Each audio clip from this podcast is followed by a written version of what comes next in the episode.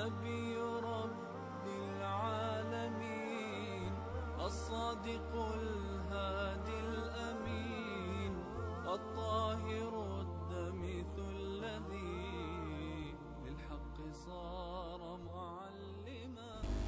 في جماد الأولى من السنة الثامنة للهجرة وقعت معركة مؤتة العظيمة وبعضهم يسميها غزوة. الرسول صلى الله عليه وسلم ما شهد هذه المعركة. لكن سميت غزوة لأن الرسول صلى الله عليه وسلم وهو في المدينة كشف الله له أمر القتال صح؟ فبدأ يخبر الصحابة أخذ الراية آه، عبد الله بن رواحة وأخذ الراية جعفر بن أبي طالب وأخذ الراية زيد بن حارثة فكأنه شهد النبي صلى الله عليه وسلم هذه الغزوة أو هذه المعركة فسميت غزوة على كل حال وبعضهم قال سميت غزوة لعظم هذه المعركة وكانت بين المسلمين وبين الغساسنة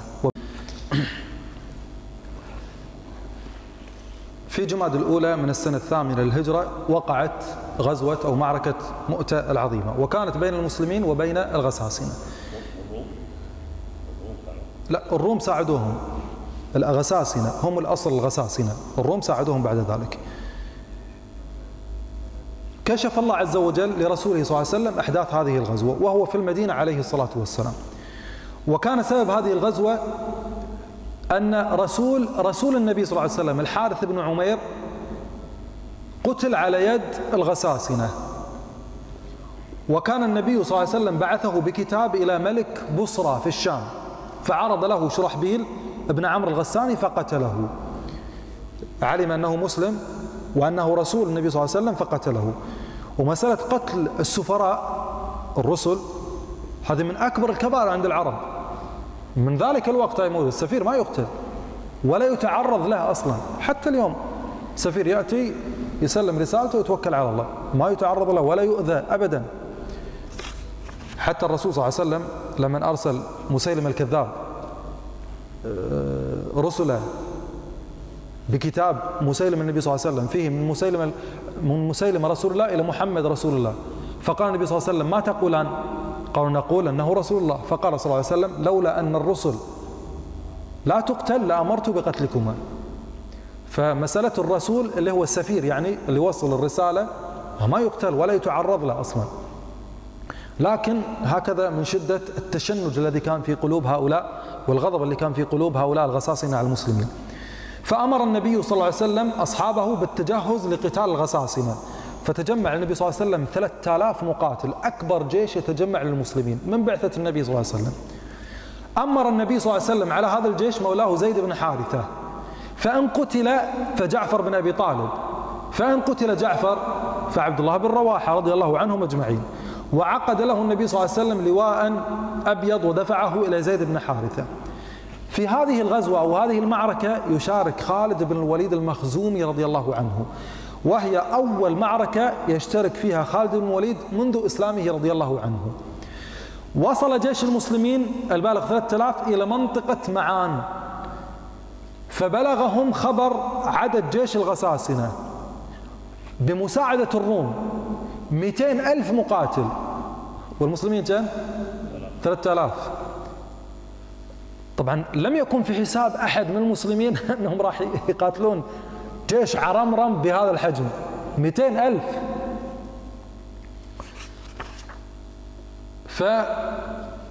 فبدأ زيد يشاور أصحابه. فكانوا مختلفين على أحد رأيين. الرأي الأول أن نقاتلهم والرأي الثاني أن نرسل للنبي صلى الله عليه وسلم يرسل لنا مددا. وما كان في حساب أي واحد منهم الانسحاب.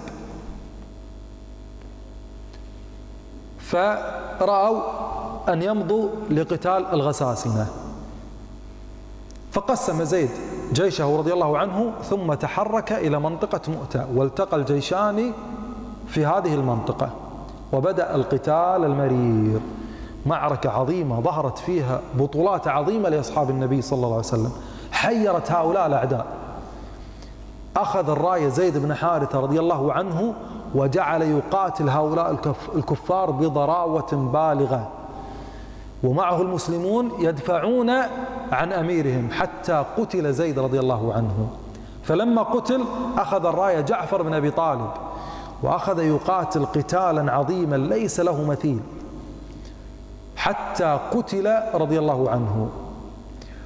وقبل أن يقتل نزل عن فرسه وعقر فرسه قتل الفرس. وهو أول فرس يعقر في الإسلام. ثم أخذ يقاتل على قدميه رضي الله عنه حتى قتل. فلما قتل جعفر أخذ الراية عبد الله بن رواحة وتقدم بها رضي الله عنه على فرس يقاتل الكفار حتى قتلوه. كشف الله عز وجل أمر هذه المعركة لرسوله وهو في المدينة. فأخبر أصحابه بكل ما حدث في هذه المعركة. ثم قال عليه الصلاة والسلام لما قتل عبد الله بن رواحة ما يسرهم أنهم عندنا. مكانتهم في الجنة الآن. ما يريدون في هذه الدنيا. قال ذلك النبي صلى الله عليه وسلم للنعيم الذي هم فيه. فلما قتل عبد الله بن رواحة سقطت الراية.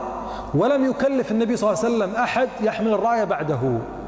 فتقدم واحد من أبطال المسلمين من أهل بدر ثابت بن أقرم رضي الله عنه. فاجتمع حوله المسلمون من بينهم خالد بن الوليد. فدفع الراية إلى خالد. فلما أخذ الراية خالد قال عليه الصلاة والسلام وهو في المدينة أخذ الراية سيف من سيوف الله. من ذلك الوقت سمي خالد سيف من سيوف الله. على كل حال استطاع خالد رضي الله عنه أن يرتب جيشه مرة أخرى ويثبت أمام هذا الطوفان العظيم من العدو ثم بدأ بالهجوم مرة أخرى رضي الله عنه ثم أنه استطاع أن يحفظ المسلمين وينسحب بجيشه ورجع إلى المدينة دون أي خسائر تذكر. ورد حديث عند الترمذي أنهم لما رجعوا إلى المدينة ها؟ أخذ الصحابة أطفال الصحابة يضربونهم بالحجارة ويقولون يا فرار فررتم في سبيل الله. فقال النبي صلى الله عليه وسلم ليسوا بالفرار ولكنهم الكرار. هذا الحديث ضعيف ما هو صحيح؟ رواه الإمام الترمذي في مسنده. حديث ضعيف ضعفه الحافظ بن كثير في البداية والنهاية وغيره من أهل السير أو من أهل العلم عفوا. وأخرجه كذلك ابن إسحاق في السيرة لكنه حديث ضعيف.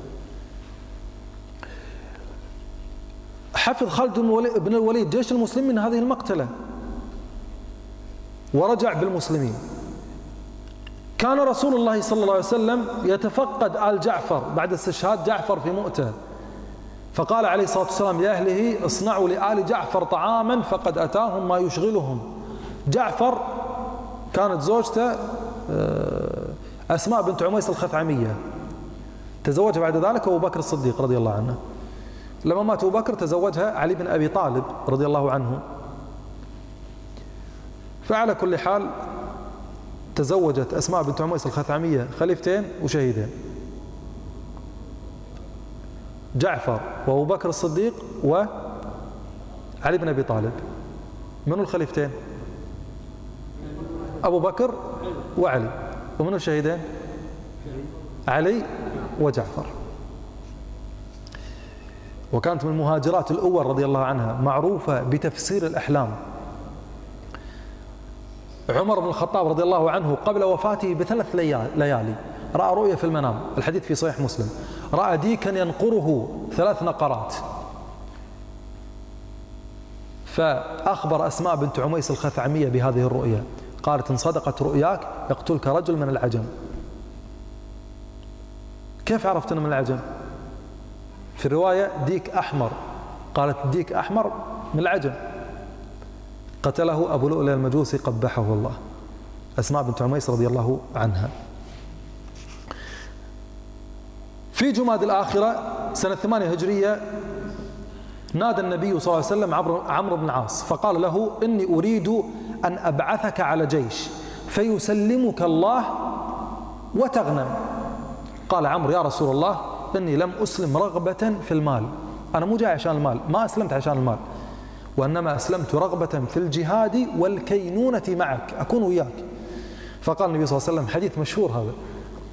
يا عمرو نعم المال الصالح؟ ها؟ للرجل الصالح. ثم بعثه النبي صلى الله عليه وسلم في سرية سرية ذات السلاسل معه 300 مقاتل. خرج عمرو بن العاص ومعه بمن معه والهدف قبيلة قضاعة. تجمعوا لغزو المدينة فباغتهم عمرو رضي الله عنه وكبدهم خسائر فادحة. ورجع منتصرا رضي الله عنه.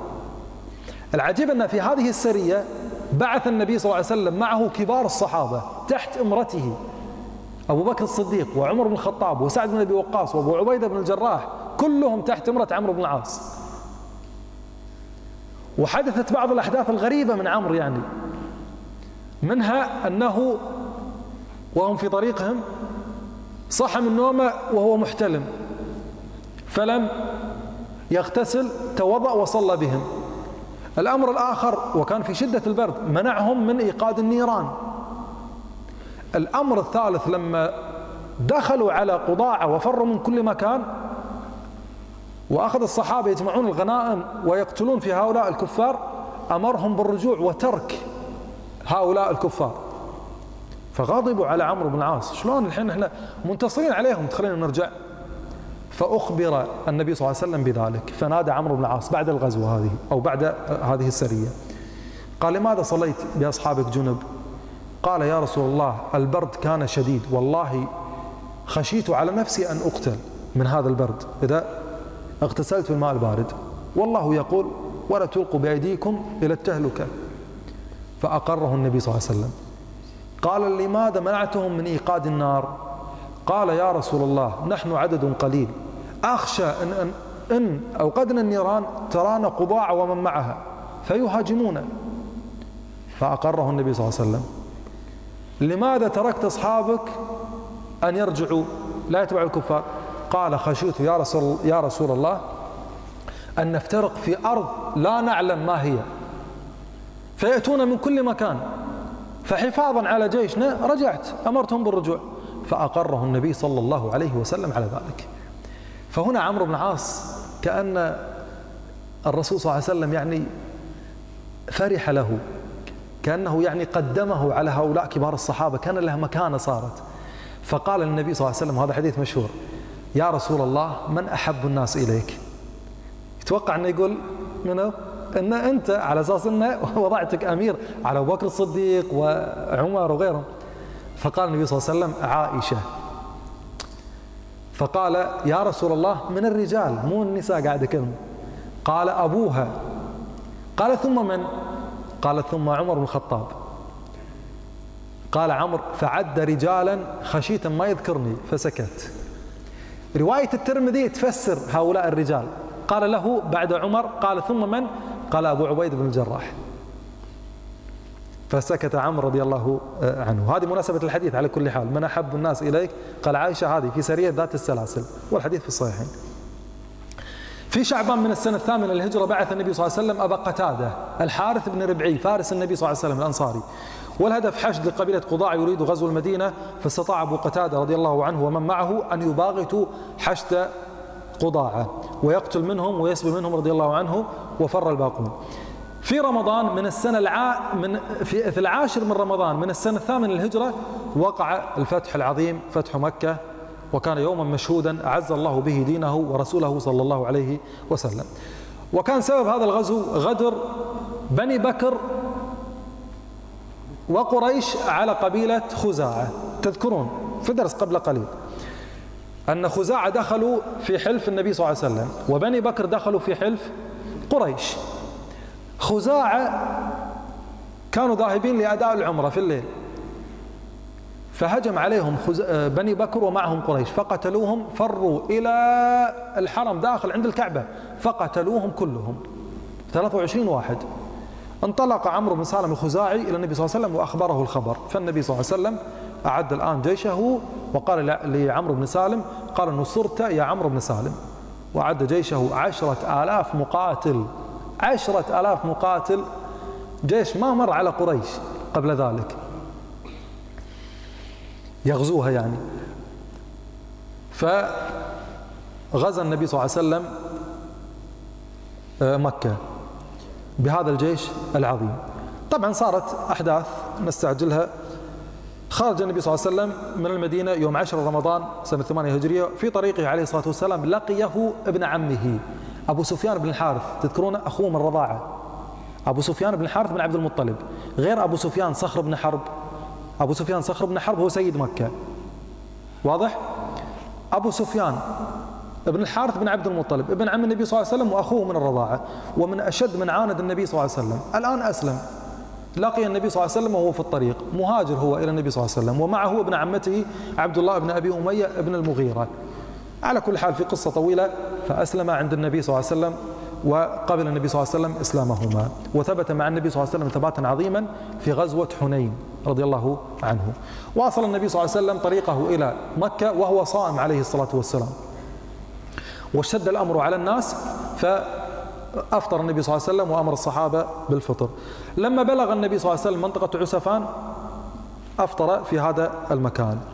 لما بلغ النبي صلى الله عليه وسلم منطقة الجحفة لقيه العباس بن عبد المطلب عم النبي صلى الله عليه وسلم. أصغر أعمام النبي صلى الله عليه وسلم. وين رايح كان العباس؟ مهاجر إلى المدينة. طيب بعد العباس تم فتح مكة. فهو آخر من هاجر. لأن بعد الفتح بعد فتح مكة انتهت الهجرة الخاصة من مكة للمدينة. قال صلى الله عليه وسلم لا هجرة بعد الفتح. هذه الهجرة مقصود فيها الهجرة الخاصة في حياته من مكة للمدينة. بعد الفتح ما عاد في هجرة ما عاد في آه، هجرة. إلا اللهم الهجرة العامة آه، الإنسان ينتقل من ديار الكفر إلى ديار المسلمين هذا شيء ثاني. لكن لا الهجرة الخاصة من مكة للمدينة في حياته صلى الله عليه وسلم هذه انتهت. آخر من هاجر هو منه العباس بن عبد المطلب. آه العباس بن عبد المطلب أراد أن يخبر قريش بخروج النبي صلى الله عليه وسلم بأن تستسلم ما تقاتل حتى لا يكون قتال بينهم ومذبحة وكذا فخرج في ذلك الوقت بديل بن ورقاء وحكيم بن حزام وأبو سفيان سيد مكة.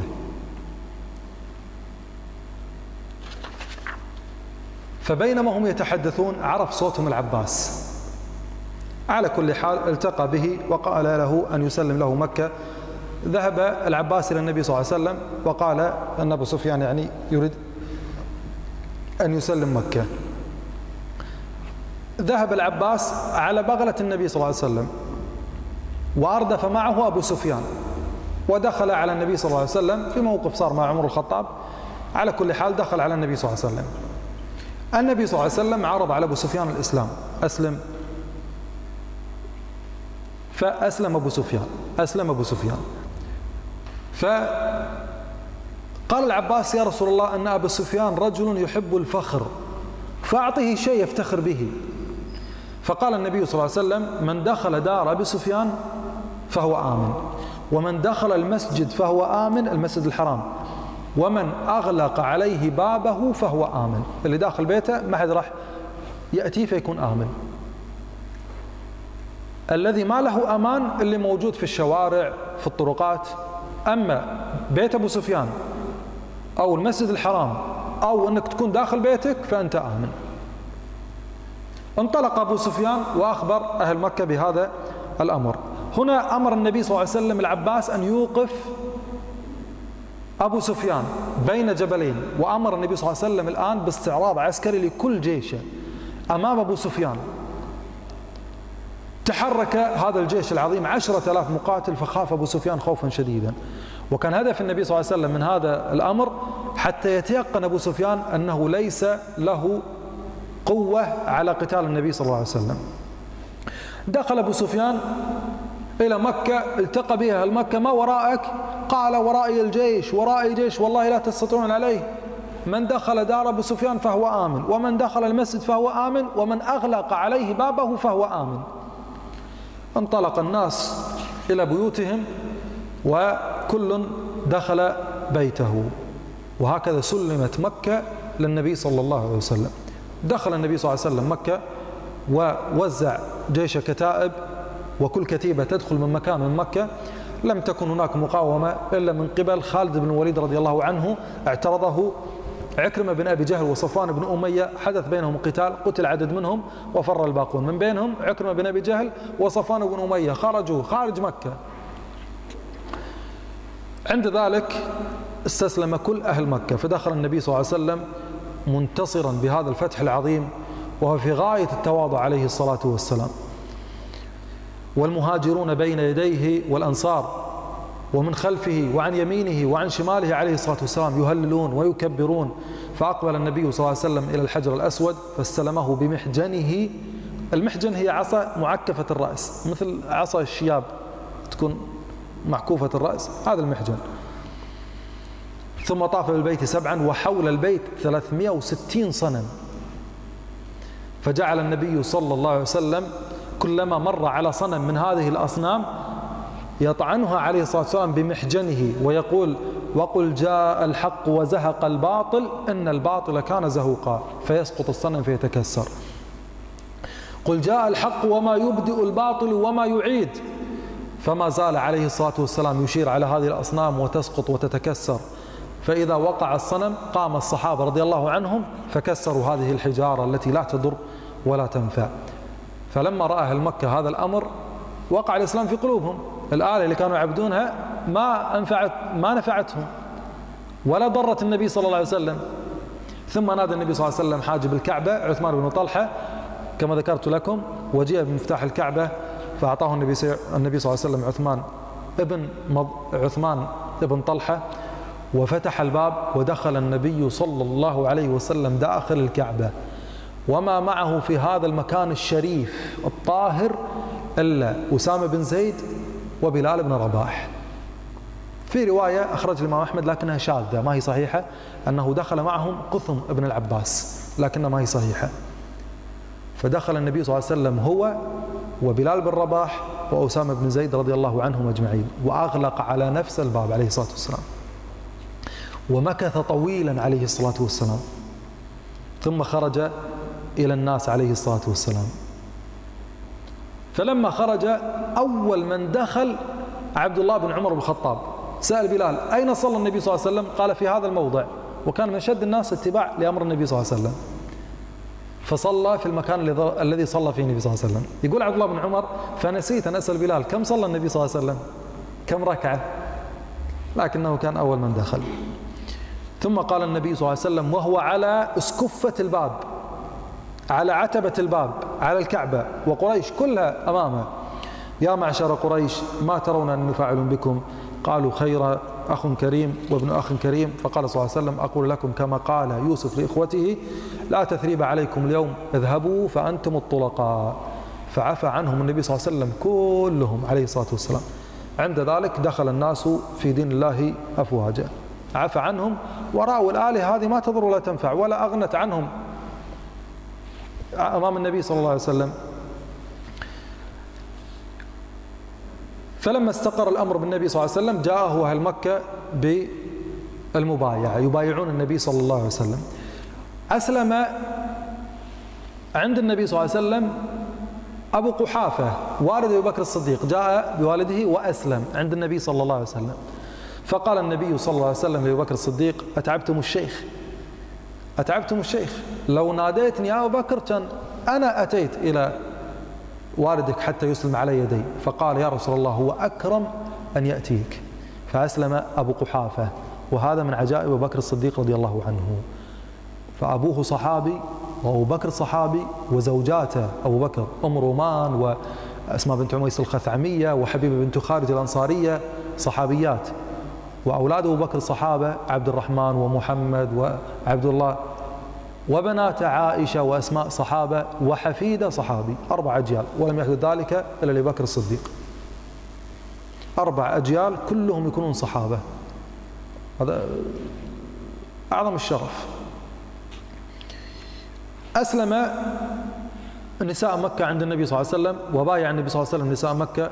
كانت من بينهم هند بنت عتبة التي أهدر النبي صلى الله عليه وسلم دمها فأسلمت رضي الله عنها وهي زوجة أبو سفيان. وهي التي وهي التي آه، مثلت بحمزة. هند بنت عتبة في غزوة أحد. بعض الناس آه، يظن أن هند بنت عتبة هي التي قتلت حمزة. لا اللي قتل حمزة في أحد هو وحشي. لكن الذي مثل بقرة بطنه وأخرج كبده هي من هي آه، هند بنت عتبة. ثم أفتى النبي صلى الله عليه وسلم بعدة فتاوى منها تحريم بيع الخمر والميتة والخنزير والأصنام. ف بهذه الطريقة فتحت مكة. فلما انتصر النبي صلى الله عليه وسلم على قريش وفتحت مكة دخل الناس في دين الله أفواجا كما ذكرت لكم. أقام النبي صلى الله عليه وسلم في مكة بعد فتحها 19 يوم. في يوم السبت السادس من شوال من السنة الثامنة للهجرة خرج النبي صلى الله عليه وسلم إلى حنين وهو واد قريب من الطائف. عنده عندما بلغه أن هوازن تعد العدة للهجوم على النبي صلى الله عليه وسلم وهو في مكة. تجمع لهوازن عشرين ألف مقاتل.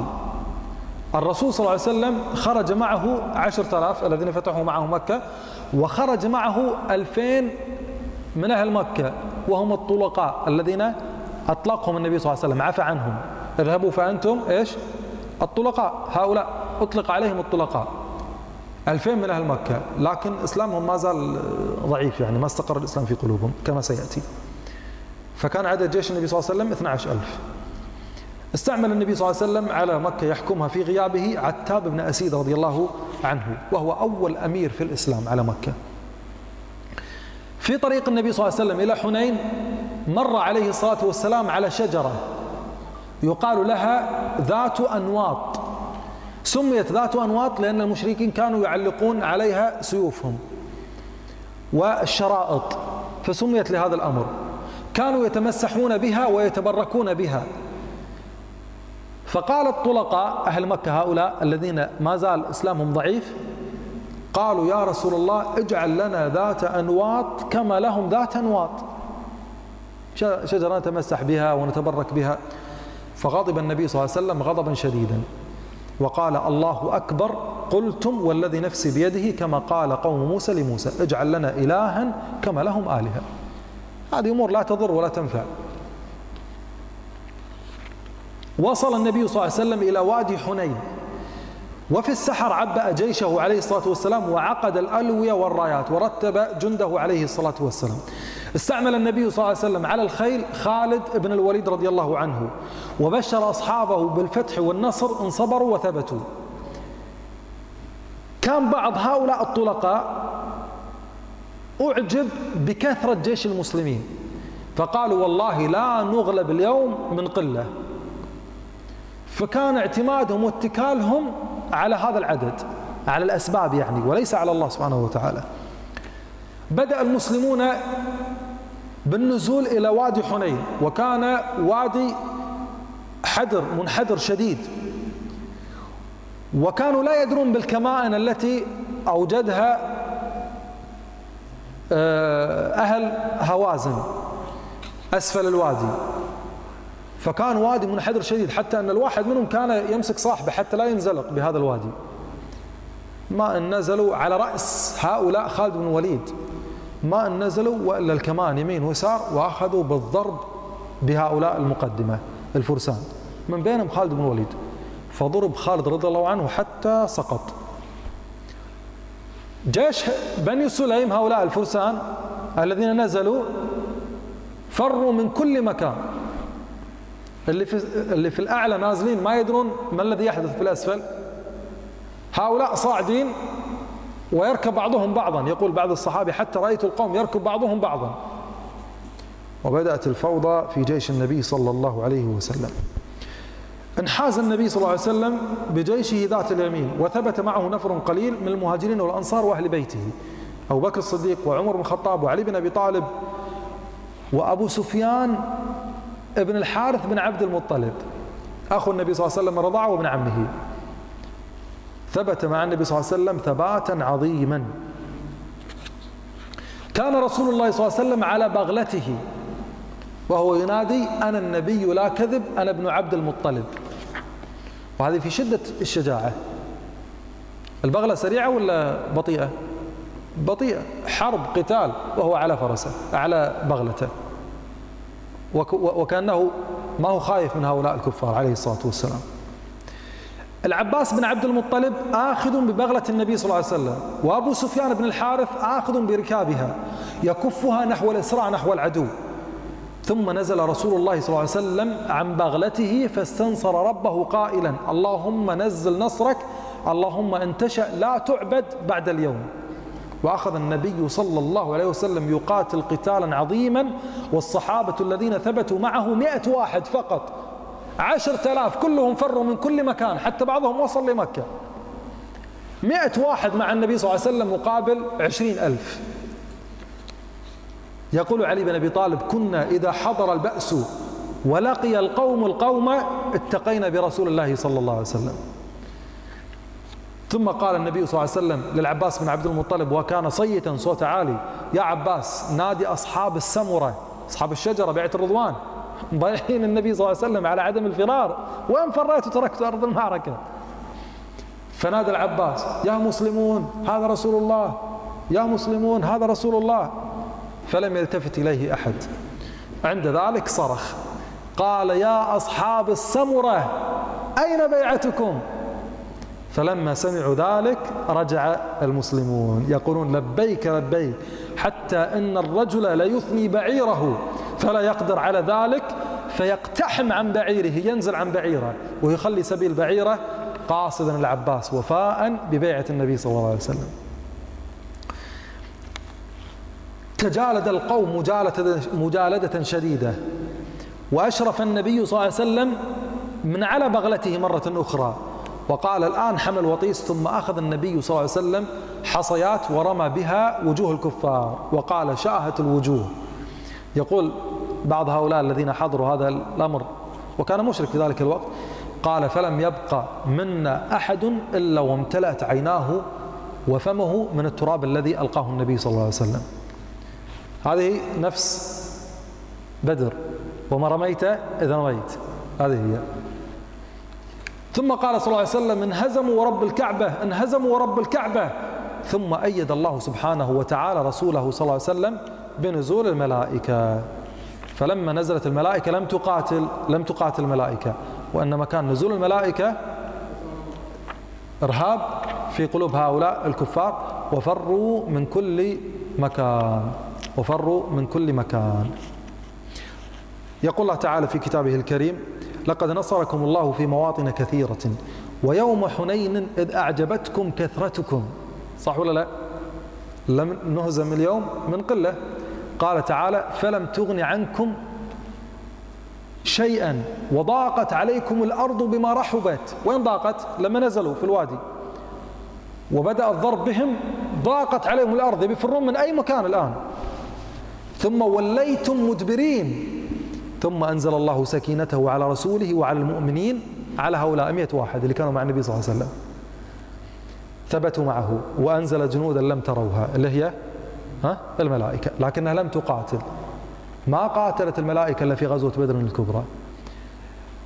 وعذب الله وعذب الذين كفروا وذلك جزاء آه، الكافرين. ثم يتوب الله من بعد ذلك على من يشاء والله غفور رحيم. أكثر هؤلاء أسلم من أهل هوازن أهل الطائف.